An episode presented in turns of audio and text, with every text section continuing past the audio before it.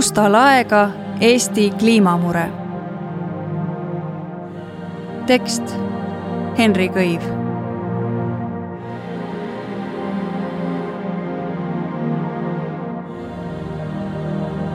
intro.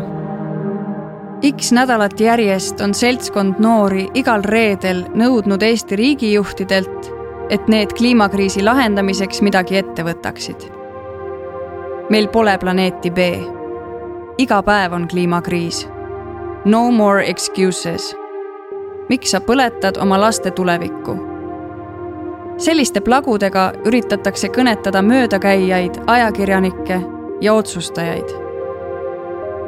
enamik neist noortest on teismelised, kelle argipäev koosneb tunnikontrollidest, kohustuslikust kirjandusest, nõudlikest õpsidest, Snapchatist ja Instagramist aga sellesama plakatitega seltskonna argipäeva lahutamatuks osaks on saanud ka kliimaraportite lugemine, intervjuude andmine, pressiteadete koostamine ning viimasel ajal isegi kohtudokumentide ettevalmistamine. Nende noorte elu on tundmatuseni muutunud, sest nad on mures oma tuleviku pärast. Nad ei ole veel täisikka jõudnud, kuid juba on neis süvenenud veendumus, et just neil tuleb silmitsi seista keskkonnaprobleemidega mille on põhjustanud eelnevate põlvkondade liiga priiskav elustiil. saage tuttavaks Eesti kliimanoortega.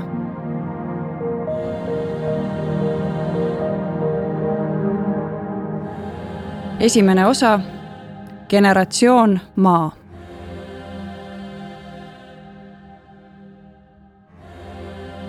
kahe tuhande kahekümnenda aasta maikuu lõpp vanalinn on justkui välja surnud. äsja on valitsus lõpetanud avalike kogunemiste piirangu. tundub, et Eesti on koroona esimese laine kollektiivsete pingutuste tulemusena seljatanud. see tähendab ühtlasi, et kliimanoored saavad oma tegevust avalikus ruumis jätkata. kui mina Toompeale iganädalasele kliimastreigile jõuan, siis kaamerad juba käivad dokumentalist Kadri-Ann väntab noortest filmi hetkeks on meedia esindajad kohapeal kliimanoorte suhtes arvulises ülekaalus. see peakski olema teema, mis kõnetab. siin on konflikti, sümpaatseid kangelasi ja globaalset haaret. riigikogu ees platsil on mõõdulindiga mõõdetud kahemeetrise vahega oma koha sisse võtnud kaks maskides tütarlast, Kertu ja Kristin. Nemad on selle liikumise Eesti kaanenäod Kristin osaleb parajasti virtuaalselt bioloogiatunnis. õpetaja räägib närvirakkudest. Kristin kuulab teda poole kõrvaga, jalge ees plakat kirjaga Kaitske ökosüsteeme. kliimanoortele on ette heidetud, et protestimise asemel peaksid nad tegelema koolis õppimisega. koroonakriis annab neile lõpuks võimaluse ja pakub välja tehnilised vahendid kahe asja ühendamiseks. Õhkkond kliimaprotestil on sundimatu kõik protestijad on ennast rätsepistesse seadnud, omavahel räägitakse uurimistöö teemadest, koolikatsetest ja sügisesest retsimisnädalast. juhuslike lausekatkete põhjal võiks arvata, et noored veedavad lihtsalt isekeskis meeldivalt aega. streikimisele viitavad esialgu ainult noori ümbritsevad plakatid. keegi ei pea kõnesid ega skandeeri lööklauseid. Käes on kuuekümne neljas protestinädal ning streikimisest endast on saanud selle aja jooksul nende noorte jaoks normaalsus. reedene Toompea on vaikne. istungeid reedeti ei toimu, rahvaesindajaid näeb harva, aga solidaarsusest globaalse liikumisega, mis kannab nime Fridays for Future FFF ehk Reeded tuleviku nimel, protestitakse ka Eestis just reedeti. seekord noortel näkkab üle platsi sammub energiliselt nende poole keskerakondlane Oudekki Loone. Loone on kliimaprotestijate suhtes silmnähtavalt sõbralik. ta laidab intensiivpõllumajandust, kutsub järgmises lauses noori sisulisteks aruteludeks ühise laua taha ning julgustab neid rohkem arvamusartikleid kirjutama. seejärel ruttab hõbedasse mikrobussi. see pole minu auto, jõuab ta veel noortele vabandavalt hüüda, enne kui rooli istub kliimanoored on oma tegevusega pannud ka Eesti poliitikud süümepiinu tundma. Nad on pinnuks meie kõigi silmas. Need noored oma plakatitega tulevad mõnele meelde, kui ta järjekordset soojamaa reisi broneerib, ikka lennukiga. teisele võivad nad meenuda suviseks grillpeoks valmistumisel. kolmandale peret planeerides. neljandale kilekotti olme prügisse visates. Viimane näide pärineb ühe kliimaprotestija sugulase suust.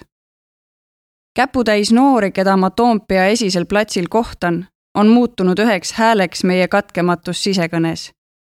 hääleks, mida seni on olnud lihtne summutada, sest inimtekkelistes kliimamuutustes oli lubatud kahelda.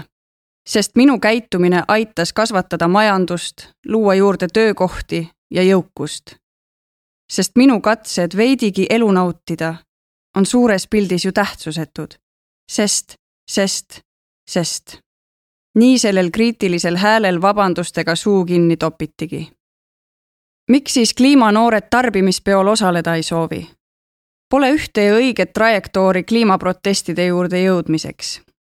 Kertu on näiteks ehe näide teise põlve keskkonnaaktivistist, kellele juba seitsmeaastasena keeldus ema roosa nukukööginurga ostmisest, sest see oli valmistatud naftast kööginurgast ilmajäämise negatiivset emotsiooni varjutas toona vähemalt sama suur kurbus tuleviku ees. kujutasin elavalt endale ette, kuidas pean oma lastega elama väga halbades tingimustes, lihtsalt seetõttu, et kunagi väiksena tahtsin nukukööki, meenutab Kertu. mõtlen, kas mina oleksin seitsmeaastasena, kui ma uinusin plastist mootorrattur hiirtele mõeldes, valmis sellist põhjendust aktsepteerima ilmselt mitte. aga Kertu hakkas juba varajases eas tänu vanemate selgitustele tajuma paljude asjade mõttetust. plastmassist mänguasjadest said tema jaoks lihtsalt plastkolakad ja autot nimetab ta tänase päevani privaatseks metallkastiks. Sellise hoiaku pealt tundub loogiline hilisteismelisena kliimakriisi peatamiseks tegutsema asuda Leena on tulnud hoopis teisest äärmusest. aastaid oli tema kireks võistlustants, säravad kleidid, pungil riidekapp, pidevalt vahetuvad trendid ja seda kõike õigustav konkurents. ühel hetkel sai Leenale sellest maailmast villand, kõige täiega. ta tegi elus kannapöörde ning muutis esimese asjana kardinaalselt oma tarbimisharjumusi. siiamaani on Leenal meeles päev, kui ta ostis oma esimese korduvkasutatava kohvitopsi. osalt sellepärast, et keskkonda säästa, kuid Leena ei salga ka fakti, et tarbimistrendid, mida ta seni oli hoolikalt jälginud, hakkasid soosima keskkonnateadlikkust, taaskasutust, nullkulu, eetilist poodlemist. Keskkonnaaktivistina on tal täna pisut piinlik tunnistada, et tema aktivistitee alguses polnud mitte šokeerivad videod puurikanadest või meres hulpivatest plastisaartest ega ka kodulähedane raielank, vaid hoopis meie tarbimisloogikat suunav reklaamitööstus. samas on Leena looga lihtsam samastuda. see ei eelda ökousku vanemaid, keskkonnakatastroofi isiklikku läbitunnetamist ega seniste väärtushinnangute hülgamist palju keerulisem on täielikult lahti öelda oma ihadest, kui et suunata need uute objektide või väärtuste juurde. ja kui kliimastreik on korduskasutatavast kohvitopsist ainult paari sammu kaugusel, siis on meil ju lootust. Kaia tunnistab mulle samuti, et kunagi armastas ta poodlemist. tema jaoks saabus pöördepunkt reisides. Kaia on pöidla küüdiga läbi sõitnud suure osa Euroopast keskkonnakriisi ulatus jõudis talle kohale aga Malaisias autoaknast välja vaadates. tee viis läbi palmiistanduste, mis kestsid ja kestsid ja kestsid, nõnda sadu kilomeetreid. Aasias nähtu ajendas Kaiat esmakordselt veganlusega katsetama. see viis omakorda artiklite, raamatute ja dokumentaalfilmideni, tänu millele on temast viimaks saanud kliimastreikija noorte lugusid kuulates mõistan, kuidas keskkonnaaktivism on kümne-kahekümne aasta taguse ajaga võrreldes totaalselt muutunud. esiteks muidugi saadaoleva info hulk, millest nüüd ollakse ainult mõne sõrmeliigutuse kaugusel. Peep Mardiste, kes on Eesti keskkonnaliikumises tegutsenud taasiseseisvumisest saati, meenutab, kuidas tema nooruses liikus teave kliimakriisi kohta üksikutest raamatutest tehtud kehva kvaliteediga koopiate kaudu. Nendele võidunud lehekülgedele ligipääsemiseks tuli tunda õigeid inimesi. see tähendab olla loodusteaduste tudeng või kasvada, nagu see juhtus Mardiste puhul, loodusteadlaste peres. see oli paljude jaoks liiga kõrge lävend. nüüd tundub kohati, et lävend on isegi liiga madal. üks kliimanoor räägib mulle, et veel hiljuti arvas ta, et kasvuhoonegaasid on gaasid, mis tekivad kasvuhoonetes. teine kirjeldab aga, kuidas ta enne esimest streiki trükkis Google'isse kuidas kasvuhoonegaasid kliimakriisile kaasa aitavad. mõni kiibitseja võiks siinkohal muidugi näpuga näidata ja öelda, et noored ei tea, mille pärast nad meelt avaldavad. aga see eirab noorte muret, mis on päris. kliimanoorte puhul eelneb süstemaatilistele teadmistele reeglina mingi üksik häiriv infokild üks dokumentaalfilm või ühismeedias loetud postitus võib anda piisava impulsi protestidega liitumiseks nii nimetab kolmeteistaastane Getter oma päästikuks juhuslikult internetist leitud fakti hiiglaslike prügisaarte kohta ookeanis. veel peadpööritavam oli Kristini teekond. Tema oli kahe tuhande üheksateistkümnenda aasta märtsis esimese Eesti kliimastreigi initsiaator. veel kuu varem polnud Kristin globaalsetest kliimaprotestidest midagi kuulnud siis komistas ta juhuslikult ühele videopostitusele Saksamaa kliimastreigist video oli Kristini jaoks nii intrigeeriv, et ühe hooga vaatas ta kohe ära FFF liikumise algataja Greta Thunbergi teedkõne, viis ennast kurssi Pariisi kliimaleppega ning jõudis otsapidi Eesti kliimaeesmärkide juurde. see kõik oli Kristini jaoks uus ja tundmatu maailm. varem jälgis ta peamiselt spordiuudiseid toona oli Kristini puhul tegemist veel noore vutitalendiga, kel silme ees unistus mängida Eesti koondise eest. seepärast oli ta kolinud Rakverest Tallinna ja astunud gümnaasiumis spordiklassi. Täna kannab ta oma kunagiste ambitsioonide meenutuseks veel lemmikklubi FC Barcelona Nokatsit. kõik muu on tema elus pärast selle ühe video nägemist aga muutunud muutunud on ka keskkonnaaktivismiga tegelemise võimalused.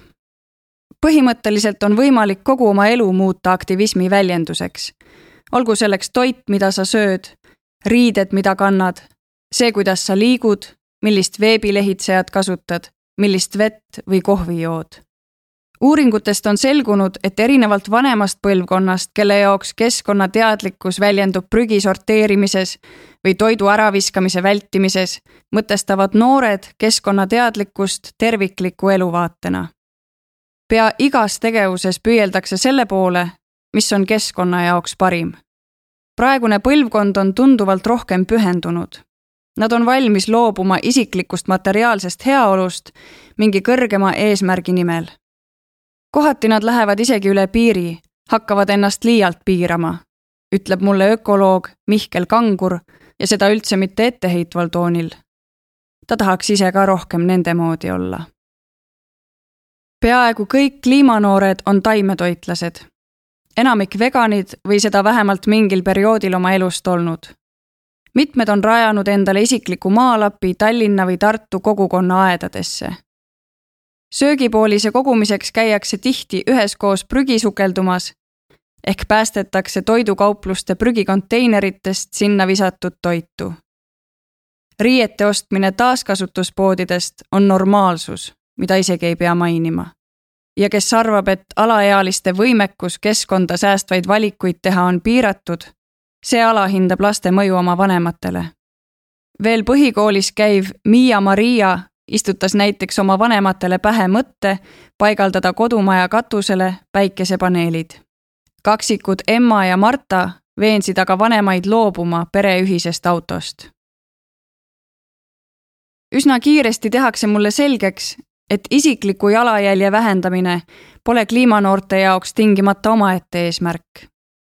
On suuremaid asju, millele keskenduda, kui oma tarbimisharjumuste muutmine, ütleb Kristin tema ei tunne ennast sellepärast halvasti, kui peab makarone ostma kilepakendis või kui valgusallikaks pole parajasti leedpirn. mis muidugi pole takistanud Kristinil hakata päevapealt veganiks või kasutada Tallinnas liiklemiseks jalgratast. ta lihtsalt ei tee endale etteheiteid, kui iga samm pole kooskõlas keskkonnasõbraliku praktikaga. Veel radikaalsema seisukohaga esineb Henry, kes on Eesti kliimastreikijate tuumiku kõige vanem liige. ta ütleb, et teda isiklik muutus väga ei koti. kui peaminister räägib puu istutamisest või lambi pirni vahetamisest, siis see on mage ja mõnitav arusaam sellest, mida on vaja teha kahekümne seitsme aastane Henry on kliimanoortest kõige äärmuslikumate vaadetega. Ta on Facebookis enda nime juurde lisanud kirjelduse Jack of all trades. ja tõepoolest, enne kliimastreikidega liitumist on ta jõudnud olla puukoolis sulane, mesiniku abiline, võrkturundaja, telefonimüüja, teeninud raha saekaatris ja Soomes tellinguid paigaldades, kaubelnud krüptovaluutadega ja kandideerinud Põltsamaa linnavolikogusse.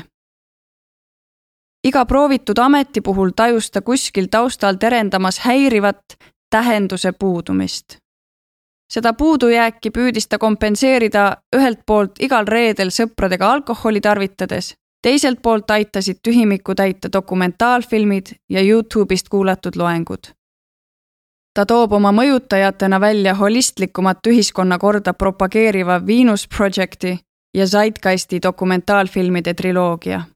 Viimase puhul lummas teda arusaam, et konsensuslik tõde ei pea paratamatu olema. just nendest osalt juba vandenõuteooriatesse kalduvatest filmidest on pärit Henry jutus refräänina korduv kapitalismi kriitika. kahe tuhande kuueteistkümnendal aastal pidas ta Paide Arvamusfestivali Vaba Laval isegi kõne sellest, kuidas turumajanduslik mudel on ühiskonda alt vedanud. Kolm aastat hiljem sealsamas Paide Vallimäel president Kersti Kaljulaidiga debateerides üritas Henry samuti edastada sõnumit, et kapitalism ei päästa meid kriisist, mille ta ise on tekitanud. kliimaprotestide idee juurde jõudiski Henry pigem Zeitgeisti liikumise kui IPCC raporti kaudu. minu lähtepunktiks oli düsfunktsionaalne ühiskond mitte see, et planeet on suremas. Ja kuigi ühiskond koosneb indiviididest, usub Henry rohkem süsteemsesse muutusesse, mida saab esile kutsuda tänaval otsustajaid survestades, mitte poes lihaletist kaarega mööda kõndides. kuigi noorte lood on erinevad, ühendab neid kõiki inimestena empaatilisus. Kaia elu eesmärgiks on teha rohkem kasu kui kahju Henry võtab oma elu moto kokku kahe lausega. Minu koduriik on planeet Maa, minu religioon on teha head. enne veel, kui Leena oma esimese korduskasutatava kohvitopsi ostis, oli temast ärganud huvi igat sorti ebavõrdsuste vastu. Kertut motiveerib kliimaga tegelema muuhulgas soov vähendada teisel pool maakera paiknevate inimeste kannatusi ta on ühes varasemas intervjuus selgitanud, et riidebränd H ja M tekitab temas juba instinktiivset vastureaktsiooni, sest riiete asemel näeb ta oma peas värvi, mis tootmise käigus jõkke lastud või fossiilkütust, mida põletas pükse Euroopasse vedanud laev. infot kiirmoe põhjustatud keskkonnareostuse kohta võib leida lademetes. kliimanoori ei erista teistest faktiteadmiste hulk Eesti elanikkonna seas tehtud keskkonnateadlikkuse uuringud näitavad et, kaheksakümmend protsenti Eesti inimestest peab ennast keskkonnateadlikuks. mis veelgi olulisem, tegemist pole lihtsalt küsitlejale esitletava kõhutundega, vaid uuringute põhjal oleme tõepoolest keskkonnainfoga hästi kursis. kurja juur on hoopis suutmatus olemasolevaid teadmisi ja hoiakuid oma käitumises rakendada. selle näitaja poolest oleme Euroopas viimaste hulgas. Et selles vallas midagi muutuks, läheb tarvis kujutlusvõimet, mis erinevad infoühikud aitaks kokku liita. omavahel tuleb ühendada asjad, mis asetsevad üksteisest justkui valgusaastate kaugusel. nukuköök ja üleujutused Indias, lennureis ning hukkuvad jääkarud Gröönimaal.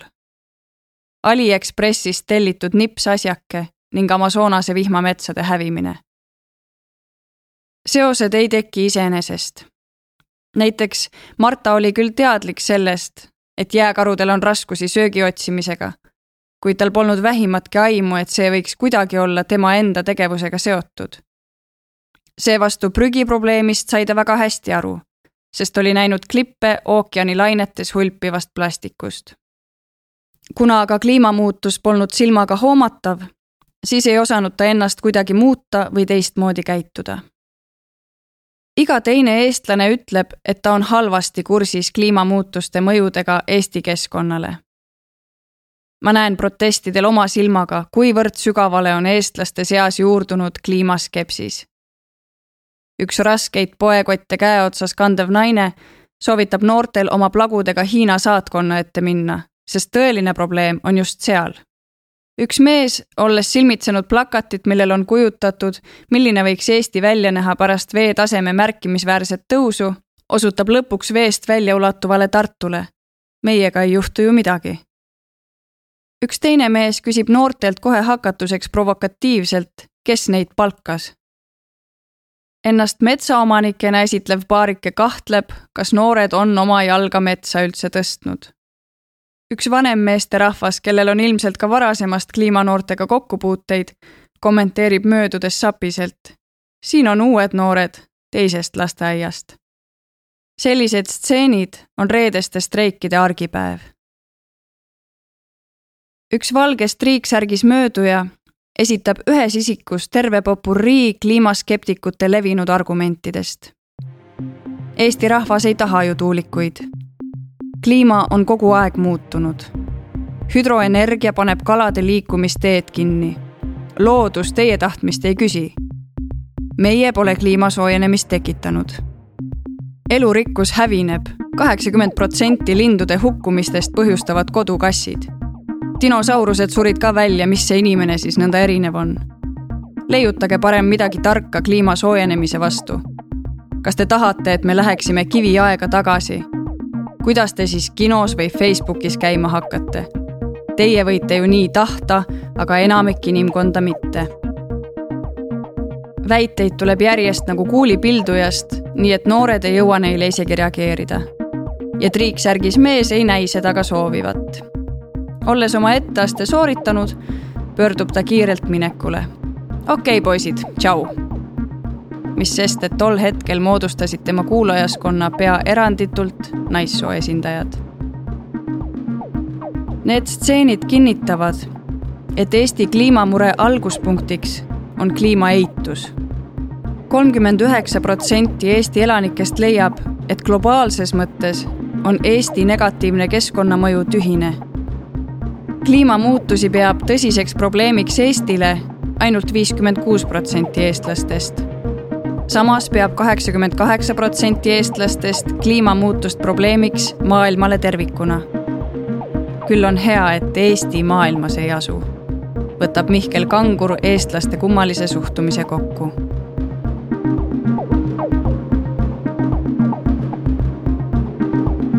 Te kuulasite Musta laega Eesti kliimamure esimest osa. tekst Henri Kõiv, luges Mariann Heinalt helikujundus ja originaalmuusika Janek Murd. Levila kaks tuhat kakskümmend üks